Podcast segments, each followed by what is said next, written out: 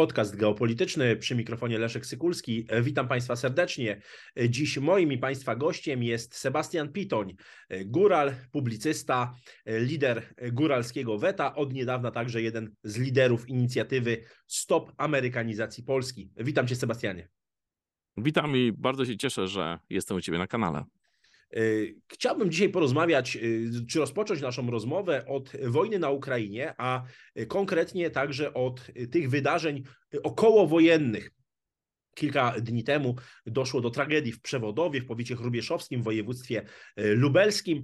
Mm, e, wiemy doskonale o tym szumie informacyjnym, który natychmiast zapanował. Wiemy doskonale o tym, że rząd w Warszawie bardzo mocno ociągał się z jakimikolwiek komunikatami, czekał tak naprawdę na reakcję strony amerykańskiej, e, kiedy już czołowe agencje światowe, Reuters, Associated Press podały, że była to rakieta sił zbrojnych Ukrainy. No właściwie zaczęto wybielać całą sytuację. No ale to oczywiście nie przeszkodziło wcześniej e, rządowi w Warszawie, aby wez, wezwać do MSZ-u przy Alei Szucha ambasadora Federacji Rosyjskiej, jako pod pretekstem, że była to rakieta, cytuję, produkcji e, rosyjskiej. E, podczas niedawnej deba debaty w Częstochowie, na, w której miałem przyjemność i zaszczyt brać udział, obok redaktora Piotra Korczarowskiego, też byłeś obecny, postawiłeś tam bardzo ciekawą hipotezę, mianowicie do, dotyczącą w ogóle kwestii udziału Ukrainie w całym, w całym tym tragicznym zdarzeniu, ponieważ nie wszyscy widzowie mojego kanału oglądali tę debatę. Chciałbym, abyś się podzielił e, swoją, e, swoją refleksją na temat tego, e, o co tu mogło tak naprawdę chodzić w całym tym tragicznym zdarzeniu w Przewodowie. To tak, wiesz, od ogółu do szczegółu. Świat zmierza w kierunku świata policentrycznego. Myślę, że tutaj zdajemy sobie sprawę, że ten świat taki z hegemonią USA, on już pomału odchodzi do mm, lamusa, można powiedzieć, historii. W związku z tym Ameryka, mm, czy też siły, które tą Ameryką, amerykański deep state kierują, mają dwie opcje. Albo faktycznie przyłączyć się do tej koncepcji świata policentrycznego i znaleźć sobie dla Ameryki dobre miejsce, albo jednak rzucić rękawice i próbować tą hegemonię y, utrzymać. Ja mam takie wrażenie, że administracja Joe Bidena starała się tą hegemonię utrzymać. No i tutaj takimi elementami była wojna y, na Ukrainie, no bo tutaj się pojawia w tych, tych rozmowach między, wiesz, y, przywódcami krajów europejskich, ale też Ameryki i, i Chin, kwestia nowej zimnej wojny i zerwania łańcuchów dostaw, czy też polityki bloków, czyli nazwijmy to roli y, NATO, takiej blokowej napinki między, między jednymi i drugimi. I to jest taki element, y, Chińczycy stoją na stanowisku, że polityka bloków jest jest złem, że ona powoduje praktycznie wojny, konflikty i jakiegoś rodzaju no, eskalację, że zerwanie łańcuchów dostaw jest elementem tej polityki bloków, więc też jest złem w jakiś sposób. I chodzi o to, żeby, żeby się dogadać, żeby, żeby globalizacja jako, e, nazwijmy to, swobodny przepływ dóbr i usług e, był pewnego rodzaju standardem i żeby nie tworzyć sojuszów militarnych, które siłą rzeczy prędzej czy później do, dążą do jakiejś konfrontacji, no co, co widzimy tutaj na Ukrainie. W związku z tym, y, wydaje mi się, że 14 listopada doszło do spotkania Joe Bidena, ale też dosyć dużej grupy takiej negocjacyjnej, bo tam widziałem zdjęcia, to było z 7-8 osób po każdej ze stron, z delegacją chińską. Y, w raporcie, znaczy w tym, co napisał y, MSZ chiński, tam bardzo, bardzo jakby Chińczycy mówili coś takiego, że narody świata uważają, że dwa najpotężniejsze państwa, Chiny i Ameryka, nie powinny iść na zwarcie, tylko powinny usiąść i wypracować koncepcję według zasady win-win, żeby po prostu się dogadać, a nie eskalować tego, tego konfliktu, który praktycznie już dochodzi do, skraja, do skraju, można powiedzieć, wojny takiej no, nuklearnej niemalże. I ten komunikat mówił, że pewnego rodzaju porozumienia zostały y, zawarte prawdopodobnie Chińczycy po prostu, wiesz, to jest taka istota dyplomacji, żeby rozwiązać konflikt, musisz mieć bardzo dużą wiedzę o tym, co myśli strona przeciwna. Jeśli znasz, masz tą wiedzę, no to jesteś w stanie wtedy stworzyć propozycję, która jest akceptowalna dla drugiej strony. W związku z tym ja a priori zakładam, to jest taka moja hipoteza robocza, że na tym spotkaniu doszło do porozumienia. Jeśli doszło do porozumienia, to trzeba wygasić oczywiście konflikt na Białoruś, na Ukrainie, bo to jest konflikt no, trochę niebezpieczny.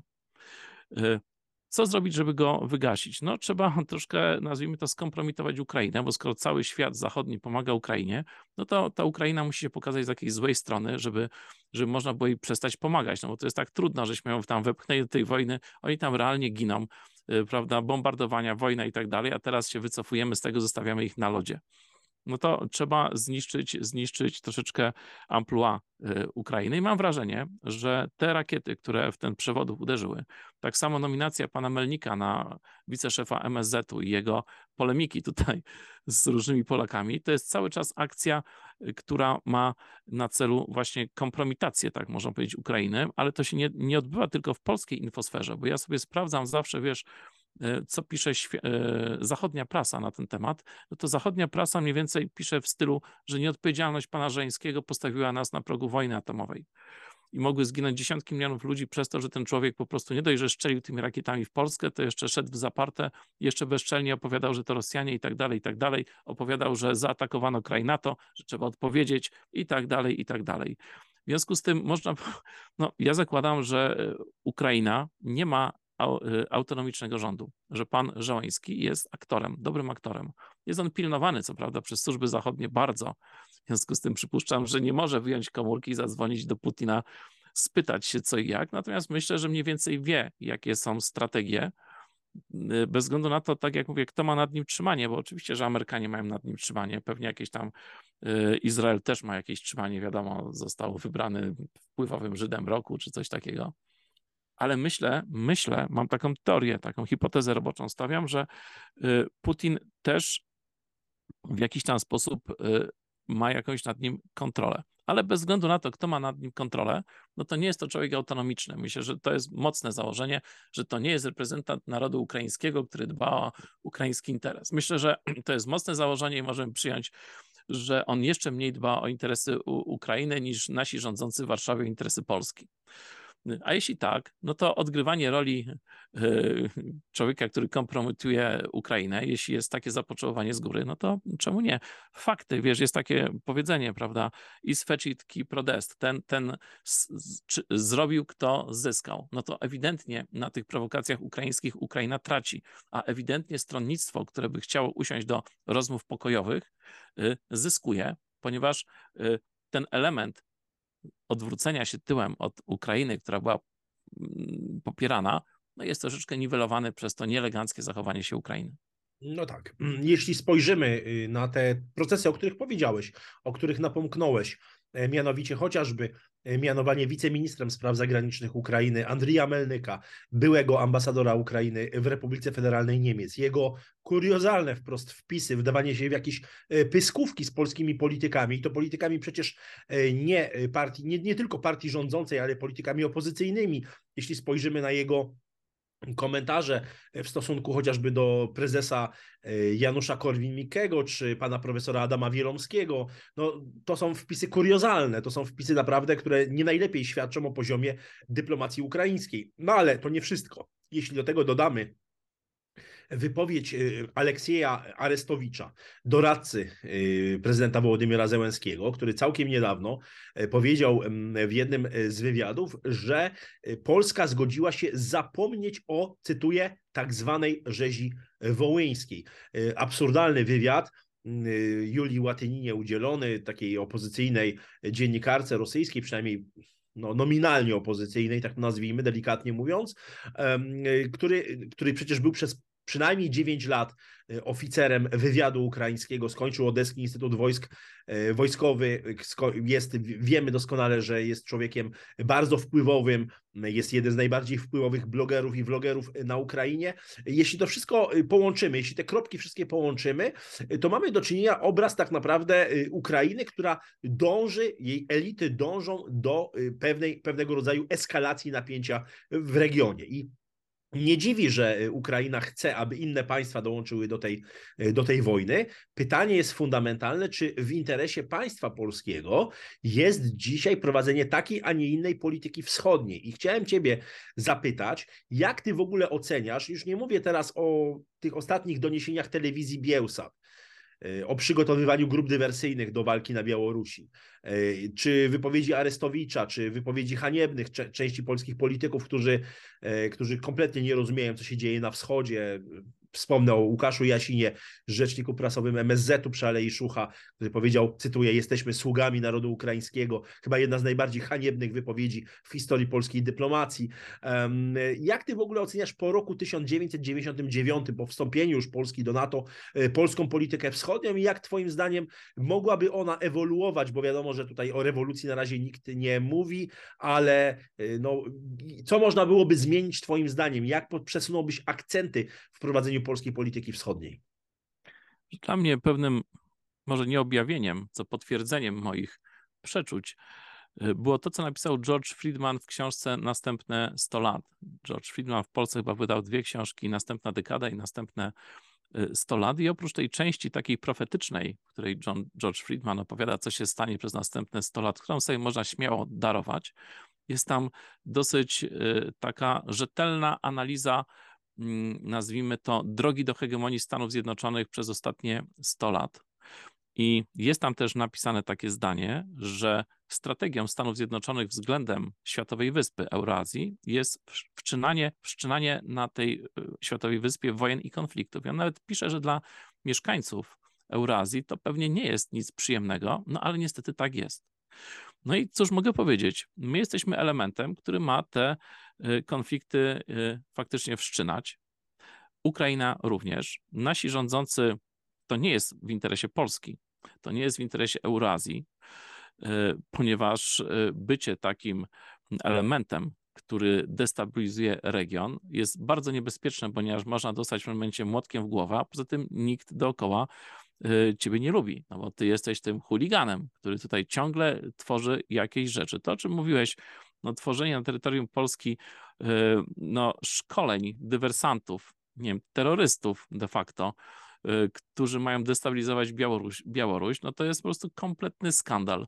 Co jest jeszcze ciekawe, podkreśla się w prasie zachodniej, bo wiesz, ja lubię sobie monitorować prasę różnych, tam niemieckojęzyczną, francuskojęzyczną, wiesz, angielskojęzyczną, chińską, żeby wiedzieć, jaki jest, y, jakie są akcenty na tej wojnie informacyjnej na świecie, no bo my jesteśmy jednak takim troszkę zaściankiem czasami. No i mówi się tutaj, akcentuje się bardzo ten, e, ten nazizm, można powiedzieć, Ukrainy tak. i, i. Nawet, nawet znalazłem tytuł, który porównał Żołańskiego do Hitlera, muszę ci powiedzieć. W związku z tym to już jest gruba obelga, no i my też fatalnie występujemy, kolegując się tutaj z głównym nazistą. Nam się wydawało, że pomagamy komuś, znaczy nam się wydawało, no ja jestem pewien, że e, cała ta nasza infosfera jest sterowana z zewnątrz i tak samo jak nasz rząd w Warszawie. On po prostu wykonuje rozkazy dokładnie tak samo jak Żołański wykonuje rozkazy swoich, e, wiesz, szefów. W związku z tym coś takiego jak interes Polski w tym wszystkim po prostu nie istnieje niestety nie istnieje. W związku z tym, y, cóż mogę powiedzieć? No, ta doktryna, o której mówisz ty, że mm, pokój i dobre stosunki ze wszystkimi sąsiadami, uważam, że to jest, że to powinno być wpisane jako, wiesz, jeden z takich fundamentów polskiej polityki zagranicznej. I nawet jeśli mamy państwa, z którymi mamy no, troszkę trudno, no to być może ta strategia dojścia do dobrych stosunków nie będzie trwała 5 lat, może 20, ale niech to będzie fundament naszej polityki zagranicznej. Dążenie do dobrych stosunków ze wszystkimi sąsiadami. Uważam, że już sam y, taki paradygmat, powiedzmy, geopolityczny, y, on już praktycznie tworzy nam politykę zagraniczną, wiesz, na najbliższe tysiąc lat, tak bym mógł powiedzieć, i że to jest no tak, wiesz, powiedziałem sobie, powiedziałem sobie grubo, ale wiesz, tak, z perspektywy czasów różnych, no to wiesz, myślmy odważnie. Myślę, że to jest bardzo dobra, bardzo uniwersalna zasada y, i mm, tutaj też wydaje mi się, że zagrożenia mogą być bardzo różne i, i myślę, że takim tak naprawdę największym y, orężem to jest y, to, co nazywasz bezpieczeństwem ontologicznym, czyli takim kulturowym, jeśli chodzi o, o to, co jest kwintesencją polskości, żeby tego bronić. I tutaj polska kultura myślę, że jest bardzo istotną rzeczą. Ten polski rys cywilizacyjny, cywilizacji łacińskiej, jego pielęgnowanie,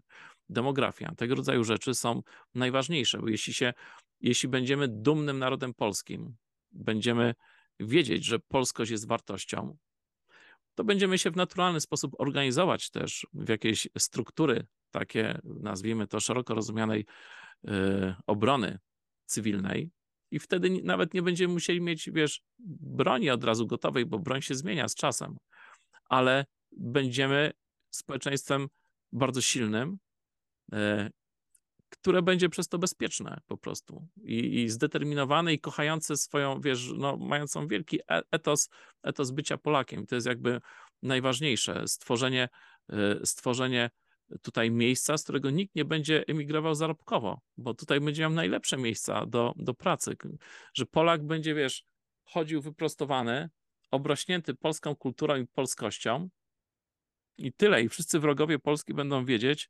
że z Polską to lepiej się dogadać, bo walczyć z nią nie ma sensu, bo to jest z góry przegrana walka. Myślę, że tak powinniśmy o tym myśleć mniej więcej. Cieszę no, to, się, że... jest teraz. Bardzo się cieszę, że poruszyłeś temat bezpieczeństwa ontologicznego, tego bezpieczeństwa bytu, bytowego, którego integralną częścią, jak sam powiedziałeś, jest suwerenność kulturowa. E, chciałem Ci zadać pytanie, bo mm, pamiętam, jak byłeś w Częstochowie razem z małżonką, serdeczne pozdrowienia dla Moniki i mówiliście o edukacji domowej. Widzimy dzisiaj próbę zamachu na edukację domową. Widzimy te próby zmiany przepisów, tak aby uniemożliwić rodzicom e, edukację domową. Wiem, że e, sami z, z żoną Moniką prowadzicie edukację domową. Powiedz, jak Twoim zdaniem y, ten typ kształcenia może się komponować z koncepcją suwerenności kulturowej? No właśnie, on się bardzo mm, komponuje.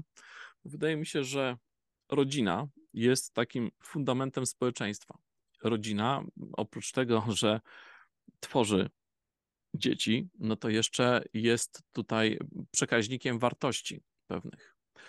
E, poza tym dzieci też pozwalają rodzicom w jakiś sposób e, dorosnąć, stać się bardziej odpowiedzialnymi, bardziej empatycznymi. W związku z tym to jest taki fantastyczny mechanizm produkujący, e, no, można powiedzieć, sferę dobrych wartości, dobrych zachowań, pozytywnych, jak najbardziej właśnie takich dobrych, niepatologicznych kodów postępowania, które mogą być reprodukowane właśnie dzięki tej rodzinie. No i teraz wchodzi system przymusu edukacyjnego z tymi wszystkimi swoimi elementami, które de facto zabierają dzieciakom czas i tworzą mur pomiędzy rodziną a dzieckiem. To jest troszkę tak, jakbyśmy posłali dziecko do szkoły Janczarów dobrej wierze, że tam nabierze, wiesz, sprawności fizycznej, ale de facto tworzymy sobie w ten sposób e, ludzi, którzy z nami walczą, którzy negują nasze wartości, a niestety wartości, które są e, dzieciom wdrażane w szkołach i to nie przez nauczycieli, to jest głównie grupa rówieśnicza, jest też nośnikiem tych wartości, bo grupa rówieśnicza jest zanurzona e, w całą tą infosferę, która jest wroga tak naprawdę, no i potem trzeba już dorównać do tych standardów, które są tworzone przez te wszystkie, e, tak jak mówię, komórki i tam treści, które przez nich są reprodukowane. Nauczyciele oprócz tego jeszcze dodają tam swoje oczywiście 5 groszy różnego typu. No i efekt jest taki, że jak kiedyś mówiono, iż niech ci Pan Bóg w dzieciach wynagrodzi, no to teraz y, człowiek nie ma poczucia, że dziecko to jest dla niego jakiś jakieś aktywo, jakiś już pasywny przychód, nie, nic takiego. To jest skarbonka na pieniądze, to jest y, problem do rozwiązania, to są zmartwienia, to są tego rodzaju rzeczy. Człowiek ma te dzieci jakby z konieczności, z takiego poczucia obowiązku, ale to nie jest sama radość i sama przyjemność. Dlatego, wiesz, ja uważam, że takim bardzo ważnym elementem odbudowy tej polskości jest uzdrowienie rodziny. I uzdrowienie jeszcze tak, tak sobie myślę, że dzisiejszy świat y, który jest takim konstruktem, którego moim zdaniem, moim zdaniem taką praprzyczyną zła jest bankowość rezerwy cząstkowej, która powoduje, że drukarze pieniądza, jak ich nazywam, mają wielką przewagę kapitałową i na dobrą sprawę robią wszystkie zmiany jakieś takie społeczne, które minimalizują fakt, że ludzie się zorientują, co, co i jak ich pogonią. A kto ich może pogonić? Silni, mądrzy mężczyźni, tak? Kto jest obrońcą? No nie kobieta, mężczyzna. Silny, mądry mężczyzna jest obrońcą. Jest obrońcą rodziny w większej skali społeczności. W związku z tym wszystkie te y, procesy różne, takie, które, które wiesz, które, które widzimy, łącznie na przykład z dwiema wojnami światowymi, pierwszą i drugą, która była rzezią mężczyzn praktycznie, feminizmy i tak dalej, i tak dalej. Wszystko to ma ze społeczeństwa y, wytrzebić gatunek silnego, mądrego mężczyzny, który jest obrońcą.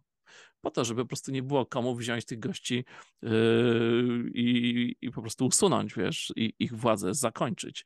Dlatego wydaje mi się, że edukacja domowa, przez to, że daje szansę rodzicom na kultywowanie pewnych wartości, takich pozytywnych, konserwatywnych jak najbardziej, to daje szansę na stworzenie, stworzenie tego przetrwalnika, tego gatunku silnego, mocnego, wiesz, odważnego, mądrego mężczyzny. No właśnie, cieszę się, że poruszyłeś ten temat, że powiedziałeś też o feminizmie, ale bardzo często, zwłaszcza na prawej stronie sceny politycznej, a zwłaszcza w środowisku alt-right, y, alternatywnej prawicy, y, pojawia się taki nurt, który oczywiście wziął się ze Stanów Zjednoczonych, y, nurt manosfery, nurt red pill, czerwonej pigułki, mm, nurt tworzenia takiego mężczyzny niezależnego, któremu kobiety nie są potrzebne, który traktuje kobiety bardzo przedmiotowo, czy nie uważasz, że tego typu y, nurty, tego typu ruchy y, społeczne są tak naprawdę odwrotną stroną, ale tego samego medalu, co y, feminizm, które służą no, tworzeniu sztucznego podziału między kobiety i mężczyzny, sztucznej walki płci, która jest niczym innym niż wytworem przecież postmodernizmu czy marksizmu kulturowego. Jak się zapatrujesz na tego typu nurty szeroko pojętej manosfery? Wiesz, to jest bardzo dobre pytanie, bo ja ostatnio głębiej dowiedziałem się właśnie o tym ruchu y, Red Pill. Mam takie wrażenie, że jak to wahadło było przekręcone w jedną stronę, to ten Red Pill jest takim przerzuceniem tego wahadła w drugą stronę. Wiesz, dla mnie y, kobieta i mężczyzna w związku małżeńskim to są postacie na piedestale. Kobieta jest wspaniałą, podziwianą, wiesz, ubóstwianą osobą, matką, kochanką, żoną, wiesz, takim Yy, dla mężczyzny często takim półbóstwem, wiesz, jak tam Wokulski wokół tej swojej kobiety tam, wiesz, zabiegał i tak dalej, no to, to jest taka, to powinna być taka osoba z posągu, taka wspaniała, wspaniała kobieta, którą mężczyzna chce, wiesz, którą się chce opiekować, zapewnić jej szczęście, miłość i tak dalej, i tak dalej. A z drugiej strony mężczyzna powinien być w związku tym, tym, wiesz, panem i władcą, może to za duże słowa, a być może nie, y, mądry, silny, odpowiedzialny, który, który stanowi fundament dla tej kobiety. I myślę, że te dwie osoby, te dwie postacie powinny tworzyć tutaj harmonię, która jeszcze jest uzupełniana przez, przez dzieci, przez miłość do tych dzieci, przez samą y, przez macierzyństwo, przez ojcostwo. To są, wiesz, piękne, odpowiedzialne, wiesz, niesamowite y, sprawy i w ten sposób ta rodzina tworzy, tworzy takie pewne sakrum, powiedziałbym. Natomiast te y, ruchy właśnie takie i feminizm i, i ten taki drugi e, red pill powiedzmy, oni traktują to troszeczkę jako taki kontrakt społeczny, jako wiesz, coś, co jest moim zdaniem trochę obyte z tej świętości, z tego, mm, z tego sakrum, jaki no, małżeństwo nie przez przypadek jest sakramentem, tak bym powiedział. W związku z tym ja na to w ten sposób patrzę, że, że dobrze jest dążyć jednak do sytuacji, w której ta rodzina, to małżeństwo będzie miało takie znamiona pewnej y, wyższego poziomu egzystencji kobiety i mężczyzny, którzy będąc różni, tworzą, tworzą w tym związku pewną całość. Y, chciałem Cię dopytać o to, bo y, powiedziałeś o roli ojca, też bardzo istotna i y, umykająca w dzisiejszych, w dzisiejszych czasach. Bardzo często się podkreśla rolę matki w wychowywaniu dzieci, a ja chciałbym też tutaj zapytać Cię o ten wątek geopolityczny. Nie tylko ten wątek oddolny, ale wątek geopolityczny. Widzimy, jak dużą rolę, jak ogromną właściwie rolę do roli ojca przyjmuje cywilizacja islamu, jak przywiązuje cywilizacja islamu. Czy nie sądzisz, że dzisiaj cywilizacja islamu, która bardzo mocno penetruje Zachód, ten tak zwany kolektywny Zachód i przez pryzmat y, przyrostu demograficznego, który jest wielokrotnie wyższy niż e, wśród rdzennych Europejczyków i przez pryzmat właśnie pewnych tradycyjnych wartości, takich jak chociażby rola ojca y, w rodzinie, y, czy w, w, w pewnej perspektywie, no nie mówię długookresowej, ale w perspektywie średniookresowej, dekady, 15 lat, będzie zdobywać, zdobywać przewagę nad tymi pozostałościami cywilizacji łacińskiej w Europie Zachodniej. No wiesz, trudno się z tym nie zgodzić. Myślę, że przyszłość będzie tak wyglądała, że muzułmanie będą taką ilościowo, powiedzmy, najszerszą tutaj populacją w Europie, bo tak wskaźniki demograficzne pokazują. Natomiast y, my, chrześcijanie, myślę, że pokazało to, pokazało to na przykład społeczeństwo y, Syrii czy też Libanu, że możemy żyć z muzułmanami w jakiejś symbiozie. Bardzo często w tych społeczeństwach takich właśnie wymieszanych, jak Syria, gdzie tam jest, wiesz, są i sunici, i szyici, jacyś tam jazydzi, i chrześcijanie, jeszcze ktoś tam. Y, w tego rodzaju społeczeństwach rola chrześcijan jest całkiem niezła, ponieważ chrześcijanie ze swoją y, taką doktryną właśnie tą łacińską, która mówi o prawdzie, o dążeniu, wiesz, do, do poznania świata i tak dalej, oni na ogół są takimi elementami, którzy się nieźle y, nadają na na pewnego rodzaju przywódców społecznych, no, lokalnych społeczności. Myślę, że tak, taką właśnie rolę odgrywali w Syrii. W Syrii oczywiście jest wielki zamęt, w związku z tym tam e, trudno teraz w wojnie prześledzić te, te sytuacje, natomiast wydaje mi się, że e, koegzystencja społeczeństw chrześcijańskich i muzułmańskich jest możliwa, jeśli oczywiście E, obie strony będą tego chciały, a nie będą szły w kierunku konfrontacji. No bo sytuacja jest taka, że oni wygrywają demograficznie z nami o pięć długości konia, że tak powiem. E, I, I ciężko będzie, ciężko będzie utrzymać nasze terytorium bez jakiejś islamskiej e, no, migracji.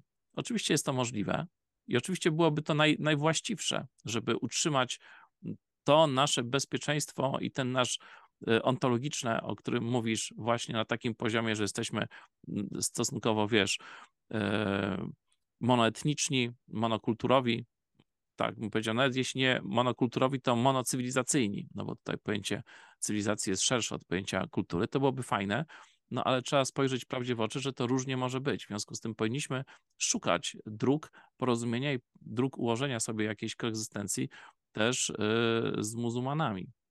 No, mówiąc o muzułmanach, mówiąc o cywilizacji islamu, mówimy o tak zwanym geopolitycznym południu. Nie da się ukryć, że już od dłuższego czasu tworzy się alternatywa wobec mm, tego cywilizacyjnego Zachodu, cokolwiek byśmy rozumieli przez to pojęcie cywilizacji Zachodu dzisiaj, moim zdaniem są to trzy cywilizacje, łacińska, protestancka e, i e, bizantyjska, ale zostawmy to na chwilę na, chwilę na, na boku. E, faktem jest, że tworzy się geopolityczne południe. Grupa BRICS jest bodaj najlepszym takim ucieleśnieniem tej koncepcji. Jeśli sobie rzeczywiście porównamy potencjał demograficzny, przyrost naturalny, potencjał gospodarczy do grupy G7, no to zdecydowanie grupa grupa BRICS tutaj wypada bardzo pozytywnie. Wiemy o akcesji, czy o próbie akcesji i Argentyny, i Iranu, i Turcji do grupy BRICS, także szykuje się naprawdę bardzo ciekawa y, przeciwwaga w tym, w tym zakresie. E, I tutaj pojawia się bardzo często ten, to, to fundamentalne takie pytanie, czy która, któryś, która część świata, która hemisfera będzie tą, która w pierwsza wprowadzi pieniądz cyfrowy, CBDC, ten pieniądz cyfrowy emitowany przez y, bank centralny. Wiemy doskonale, że są takie przygotowania już w Unii Europejskiej, w Stanach Zjednoczonych, y, w Chinach e-yuan już przecież był testowany w prowincji Shenzhen, jeśli dobrze pamiętam, więc, y, więc tutaj takie, takie rzeczywiście są bardzo silne tendencje w tym zakresie. Mówi się o pieniądzu o określonej dacie przydatności do użycia i chciałem Cię zapytać, jak Ty się zapatrujesz w ogóle na CBDC, jak się zapatrujesz na kwestię e, pieniądza centralnego i emitowanego przez banki centralne, czy uważasz to za szansę pewnej stabilności w tej dynamice rozwoju gospodarczego, czy też zagrożenia? E, I kto Twoim zdaniem y, obejmie tutaj palmę pierwszeństwa? Kto będzie pierwszy, kto na masową skalę wyeliminuje pieniądz materialny, a wprowadzi właśnie ten pieniądz, y, pieniądz cyfrowy? Wiesz, pieniądz y, cyfrowy jest czymś takim samym jak energia atomowa. Może służyć dobru i może służyć złu. Ważne jest, jak jest użyta, no bo pieniądz cyfrowy ma obiektywne przewagi nad pieniądzem y, materialnym, jest łatwiej podzielny, szybsze w obsłudze i tak dalej, i tak dalej. Ale ma oczywiście też pewne potencjały, które można wykorzystać zarówno w celach bardzo złych, jak i w celach dobrych. Natomiast wydaje mi się, że generalnie różnica między tym mm, systemem monetarnym, który nadchodzi, a tym, który dotychczas był, y, polega na tym, że dolar jako waluta rezerwowa świata został narzucony siłą i jest to genialne urządzenie do okradania świata. Jeśli taka, takie Stany Zjednoczone, taki Fed może praktycznie tworzyć dolara bez ograniczeń, bezkosztowo, i tym dolarem, za pomocą tego dolara wykupywać sobie różne rzeczy na całym świecie, łącznie z politykami, nie tylko z dobrami materialnymi, no to daje mu to gigantyczną przewagę. Jest pytanie, czemu tak jest? Czemu ludzie na drugim końcu świata, widząc dolara, biorą tego dolara i oddają realne dobra? No, były dwie wojny światowe, Stany Zjednoczone wybudowały gigantyczną flotę i tak dalej, i tak dalej. No, mają mnóstwo argumentów, żeby jeśli ktoś, powiedzmy, by nie chciał się zgodzić na tę koncepcję, no to przypływał lotniskowiec w dawnych czasach, marines i wiesz, i, i, robili porządek. Natomiast słowem jest to pieniądz narzucony siłą y, w celu po prostu y, okradania ludzi i zdobywania przewagi. Natomiast koncepcja krajów BRICS, bo kraje BRICS, kiedy powstały w roku 2006, potem się jeszcze ukonstytuowały w 2011, kiedy Afryka Południowa do nich dołączyła, ale od samego początku jednym e, z filarów ich, można powiedzieć, mm, planów było stworzenie alternatywnego systemu rozliczeń międzynarodowych. Dawniej to był taki troszkę efemeryczny, wiesz, projekt, nie bardzo było wiadomo o co chodzi, były różne przypuszczenia, różne, różne domysły. Natomiast wydaje mi się, że ostatnio już dosyć dużo o tym wiemy, ponieważ pojawiły się pewne e, publikacje, które dosyć dokładnie opisują, jak ten system monetarny ma wyglądać. I on, e, powiem Ci Leszku, opiera się na bardzo prostej, bardzo takiej naturalnej zasad, zasadzie, że jeśli jesteś producentem czegokolwiek, to masz prawo żądać zapłaty za Twoje produkty we własnym pieniądzu prawda? To jest oczywiste. Mam tutaj Twoją książkę, o której jeszcze też chciałem dwa słowa powiedzieć. I mógłbyś mi powiedzieć, Sebastian, wszystko dobrze, ale zapłać mi 10 y, y, leszków za tę książkę. Tam masz taki kantorek, oni ci wymieniam, co tam masz na te 10 leszków i już przyjdź do mnie z 10 leszkami i ja ci tę książkę wtedy sprzedam. To jest twoje prawo, prawda? Ja mogę powiedzieć, nie co, zwariowałeś, to sam sobie czytaj tę książkę. ale, ale to jest prawo naturalne, jakby takie każdego człowieka, że może żądać zapłaty za swoje usługi, czy też dobra we własnym pieniądzu. I na tym generalnie też polega ta, e, ta zmiana w systemie monetarnym, że Rosjanie testowo zaczęli już żądać zapłaty za węglowodory w rublach, zauważ. Chińczycy przebąkują o tym, że w przyszłości spokojnie, tak bez nerwów, będziemy wprowadzać cyfrowego juana do handlu właśnie tego typu i to będzie taki gatunek tokena. Kupując w tym pieniądzu będziecie mieli jakąś lekką zniżkę. Będzie się to po prostu opłacało. Ale efektem tego będzie wypchnięcie dolara z tego rynku. A jeszcze co jest ciekawsze, Ferdynand Lis napisał taką książkę Złoty Spisek, w której mówi, że uczciwość pieniądza przekłada się na uczciwość generalnie stosunków gospodarczych na świecie. Jeśli w tej chwili pieniądz jest pieniądzem nieuczciwym, no bo koszt jego wyprodukowania, jego, jego wartość towarowa jest żadna w stosunku do wartości nominalnej. Praktycznie jest on tylko umową i, i, i, jeśli ta umowa zniknie, to ten pieniądz zniknie. W związku z tym to nie jest uczciwa umowa, że wiesz, y, ty mi dajesz dom, a ja ci daję kilka impulsów elektrycznych, które są, wiesz, w pewnym momencie nic nie warte. To nie jest uczciwe.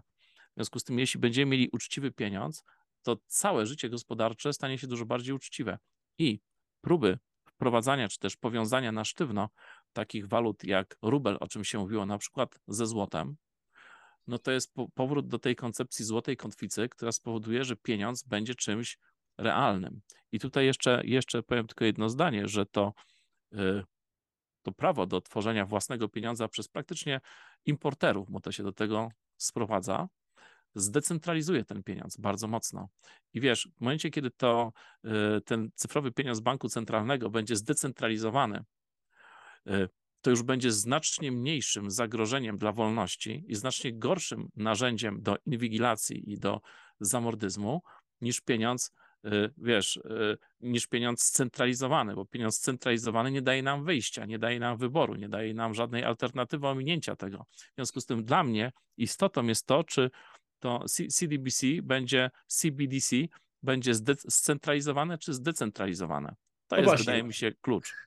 To właśnie jest dzisiaj e, to pytanie, na które nie znajdziemy pewnie odpowiedzi, ale wiele osób, wielu inwestorów na rynku kryptowalut zadaje sobie dzisiaj pytanie, czy e, inwestując dzisiaj w Bitcoina, w Ethereum, w e, inne kryptowaluty tak naprawdę będą, czują się bezpieczni, czy ta tezauryzacja, czyli no, to, to, to inwestowanie, lokowanie tutaj swojego kapitału y, ma sens w ogóle. Ma sens, jeżeli e, CBDC, czyli no, pieniądz cyfrowy, ale emitowany przez bank centralny, nie zdominuje tego, e, tego wszystkiego, no bo wiemy, że doskonale, że tutaj te zapędy są już bardzo silne. Widzimy to i w Europejskim Banku Centralnym, i w Ludowym Banku Chin, i, e, i w Fedzie. Więc to jest oczywiście pytanie, na które dzisiaj nie znajdziemy odpowiedzi, jak się potoczy ta przyszłość i czy rzeczywiście, e, zwłaszcza patrząc na te ostatnie, e, na ten ostatnie, no, kryzy, ten ostatni kryzys, tak go nazwijmy, na rynku kryptowalut, na plajta jednej z giełd, prawda, i tak dalej, i tak dalej, więc widzimy, że ta przyszłość wcale nie jest tutaj kolorowa i państwa Mm, narodowe wcale nie odchodzą w przeszłość i, e, i, mają sporo do powiedzenia, jeśli chodzi o przyszłość systemu finansowego. E, natomiast chciałem Cię zapytać o y, Twoje rozumienie pojęcia, które jest bardzo popularne w Ameryce Łacińskiej, w Latynoameryce, y, na tym globalnym południu, tym geopolitycznym południu, a w Polsce y, wydaje się, że jesteśmy tutaj jednymi z prekursorów, dopiero, że tak powiem. Stop amerykanizacji Polski. Co ty rozumiesz przez pojęcie amerykanizacji? Czy rozumiesz przez to tylko i wyłącznie kwestie polityki zagranicznej, czy rozumiesz tylko kwestie kulturowe? Co dla ciebie w ogóle znaczy to pojęcie amerykanizacji, bo jak przyjrzymy się debacie publicznej we Francji, w Niemczech, w Brazylii, w Argentynie czy w Chile, to tam mm, mówienie o amerykani amerykanizacji, szeroko pojętej amerykanizacji, nie jest niczym, co budzi jakieś niezdrowe kontrowersje, wręcz odwrotnie. Jeżeli się mówi o autonomii strategicznej, jeżeli się mówi o autonomii kulturalnej czy suwerenności kulturowej, to nie jest to coś, co wzbudza niezdrowe emocje, a mam wrażenie, że od chwili, kiedy zainicjowaliśmy te, te akcje Stop Amerykanizacji Polski, czyli 31 października, Halloween 2022 e, roku, e, to w, to w Polsce narosły jakieś niezdrowe, niezdrowe emocje wokół tej, tej akcji. John Meschheimer w książce Wielkie Zudzenie, czy Wielkie Zudzenia, już nie pamiętam, którą Wielkie, zresztą... Wielkie Zudzenie. Tak, którą zresztą poleciłeś. E, pisze coś takiego, że e, ten demoliberalny dyktat ze wszystkimi takimi dzikimi, e, a racjonalnymi agendami, które no, każą nam tak, to, co mówiłeś, to zawsze mówisz, akceptować fakt, że jest 100 płci, prawda? I skoro nam to są w stanie wmówić, to są nam w stanie wmówić już wszystko, już kompletnie wszystko, że ten demoliberalny dyktat, on ma właśnie charakter yy, no taki bezalternatywny, nie można przed nim uciec, nie można z nim yy, polemizować, po prostu można go przyjąć, a jak się go nie przyjmie, no to trzeba stoczyć walkę z góry przegraną, ponieważ hegemon jest silniejszy. I to jest, y, to jest, wydaje mi się, istota y, tej amerykanizacji, że amerykanizacja dąży do centralizacji y, całego świata w takim wymiarze właśnie, jeśli chodzi o, o, o wartości, o, o ideologię i tak dalej. A świat jest skomplikowany, świat jest piękny, bo jest zróżnicowany, są różne kultury, różne religie, różnie patrzy się na pojęcie demokracji, o czym Chińczycy mówią od dawna, że nie mają demokracji w chińskim stylu, że to jest demokracja konsultatywna, oni tak ją określają. Może, może u nich nie ma wyborów, ale, ale e, ludzie też mają wpływ na rządy. I wydaje mi się często dużo większy niż na Zachodzie, gdzie za pomocą różnego rodzaju technik robi się tutaj cyrk, że cała ta demokracja praktycznie wcale nie powoduje jakiejkolwiek reprezentacji ludzi, czy, czy, czy reprezentacji ich interesu, bardzo często, co widzimy chociażby w Polsce czy po Ukrainie. Y, w związku z tym, wydaje mi się, że naj, najgorszym elementem tego modelu y, hegemonii amerykańskiej jest właśnie ujednolicenie i siłowe narzucenie pewnych standardów, niby fajnych, niby wolnościowych, ale to jest nieprawda. One są y, antyracjonalne przede wszystkim. One, one powodują y, deprawację i, i, i zniszczenie człowieczeństwa w ludziach i nie dają możliwości na alternatywę, nie pozwalają tworzyć alternatywnych systemów wartości państw opartych o cokolwiek innego. Doskonale widzimy, że ktokolwiek się lekko wyłamuje z tego, z, tej, z tego standardu takiego sztywnego, demoliberalnego, to od razu jest zwalczany jako ktoś, kto jest zły. Natomiast wydaje mi się, że w tej koncepcji policentrycznej, koncepcji promowanej przez Chiny głównie, e, która jest też, powiedzmy, takie korzenie ma, powiedziałem, na konferencji w Bandungu w 1955 roku państw niezaangażowanych, które właśnie mówiły, że no nie możemy się tak zmuszać. Każdy ma prawo po prostu do swojej wizji świata, do swoich porządków i nie może ingerować we wewnętrzne sprawy innych państw. W związku z tym to jest koncepcja, która uważam, że jest dużo lepsza, ponieważ na zasadzie decentralizacji stworzy sytuację, że jakieś państwo, gdzie, gdzie te rządy będą faktycznie, wiesz, y, fatalne, no to ludzie z niego uciekną, ale za granicą będą inne. Natomiast w tej wersji, wiesz, demoliberalnej za granicą będą dokładnie takie same e, sytuacje jak u nas. Tak by było za, za 100 lat, jeśli ten proces e, tworzenia światowego rządu, czy tam tej agendy New World Order, czy, czy wielkiego resetu nie zostałby, nie natrafiłby na przeszkodę w postaci właśnie tej, tych, tych państw BRICS. W związku z tym stop amerykanizacji to jest stop narzucaniu, tak ja to widzę. Nie chodzi nawet o Amerykę, bo tutaj Ameryka jest głównym golemem tych sił, które E, faktycznie promują tą agendę. Więc Amerykanie też są, e, nazwijmy to, ofiarami tej, tej agendy. Natomiast, no niestety, są głównym narzędziem politycznym, no to, no to się używa ich marki. No tak, tak to już tak. niestety jest i tyle pełna zgoda. Akcja Stop Amerykanizacji Polski czy Stop Amerykanizacji Europy jest absolutnie niewymierzona w Amerykanów ani w, w, w, poszczególne firmy amerykańskie. Wiemy doskonale, że, że te środowiska, które stoją za akcją y, szeroko pojętego y, oporu wobec, wobec amerykanizacji we, we Francji, we Włoszech, w Niemczech, to są jakby y, siły polityczne, gospodarcze chętnie nastawione na korzystanie z wymiany handlowej. Przecież ze Stanami Zjednoczonymi nikt się nie odżegnuje od amerykańskiej technologii, od współpracy powiedzmy handlowej ze Stanami Zjednoczonymi, bo przecież byłby to absurd, e, ale tutaj chodzi właśnie o powstrzymanie tych sił, które próbują zglajszachtować, no, próbują tutaj ujednolicić, narzucić tę matrycę demoliberalną całemu światu i, e, i doprowadzić do wyrogowania tych tradycyjnych cywilizacji, tradycyjnych norm, e, norm kulturowych. Natomiast chciałem Cię zapytać, bo bardzo często w Polsce Mówi się o y, siłach systemowych, siłach antysystemowych. Bardzo dużo się mówi o antysystemie w Polsce. Y, właściwie mnóstwo środowisk politycznych przerzuca się tym, y, tym określeniem antysystemu, zarzucają sobie właśnie prosystemowość, antysystemowość. Czym dla Ciebie dzisiaj, Anno Domini 2022, jest antysystem, działalność antysystemowa w Polsce? Ja uważam, że tym, co jest wartościowe, to jest alter system, czyli próba stworzenia alternatywnego systemu, bo bycie antysystemem jest po prostu negowanie tego, co jest. I to jest oczywiście też fajne, bo zdobycie się na negowanie tego układu, który, który w tej chwili panuje i dostrzeżenie, że on jest po prostu no nie, nie reprezentuje w żaden sposób naszych interesów, nie tworzy z Polski kraju, gdzie, gdzie byśmy spokojnie mogli myśleć o tym, że nasze wnuki i dzieci będą tutaj sobie wspaniale, wspaniale żyć i, i mieszkać i pracować. Słowem, słowem, dla mnie najważniejszym problemem jest stworzenie alternatywy. Dlatego właśnie, wiesz, takie koncepcje geopolityczne jak twoja, o tej koncepcji y, dobrych stosunków z każdym sąsiadem. To jest, to jest, wiesz, czy polityki wielowektorowej. Oczywista wydawałoby się sprawa. Jedno i drugie jest oczywistą sprawą, natomiast na naszym rynku politycznym wydaje się być czymś kuriozalnym, dziwacznym i bardzo ekscentrycznym.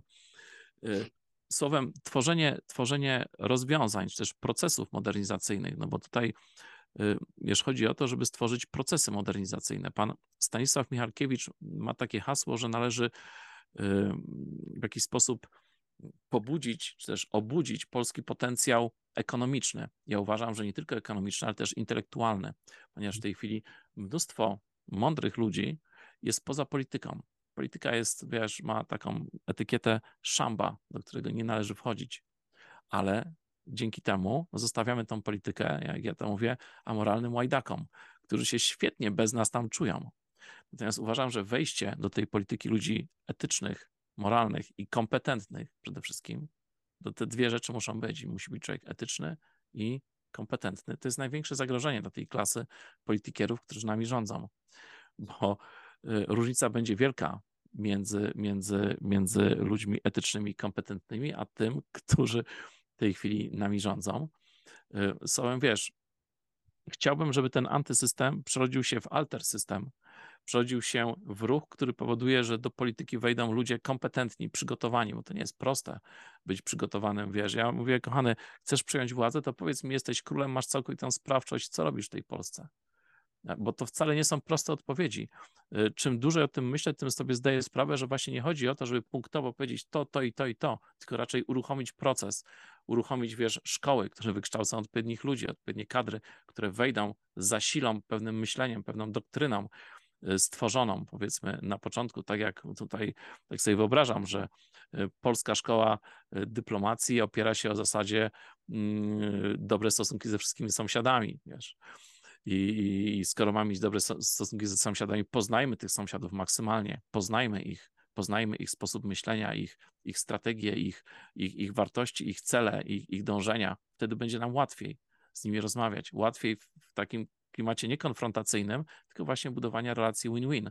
Tak sobie wyobrażam. Y, w innych tematach też, też należy tworzyć pozytywne, pozytywne doktryny, podbudowywać je odpowiednimi szkołami, żeby zapewnić trwałość tych, tych, tych doktryn, tych idei dłużej. A najpierw trzeba je y, zrobić. Tak jak mówię, ty akurat z tą swoją koncepcją dobrych stosunków z każdym sąsiadem, no to można powiedzieć, że to jest taki, wiesz, jeden z takich fundamentów. Fajnie, mamy to zrobione, ale jeszcze jest kilka innych E, w różnych innych obszarach, bardziej gospodarczych, właśnie być może związanych z edukacją, z takimi, wiesz, rzeczami jak kultura, gdzie trzeba te takie paradygmaty, na których się stworzy potem tą całą doktrynę i jej, jej możliwość jej, jej trwania, to trzeba, trzeba zrobić. To jest wielkie dzieło, ale nikt tego za nas nie zrobi.